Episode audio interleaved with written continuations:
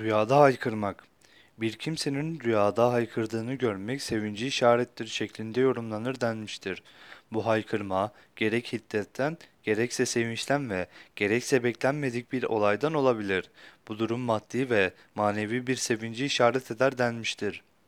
İbn Sirin'in yorumuna göre rüyada haykırdığını veya bir başka kişinin haykırışını işittiğini görmek o bölgede bir keder, bir sıkıntı olduğunu işaret eder demiştir.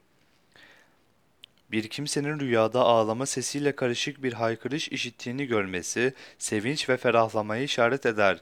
Gülmek sesiyle karışık bir haykırış işittiğini görmek, kedere, hüzün ve musibeti işaret eder denmiştir.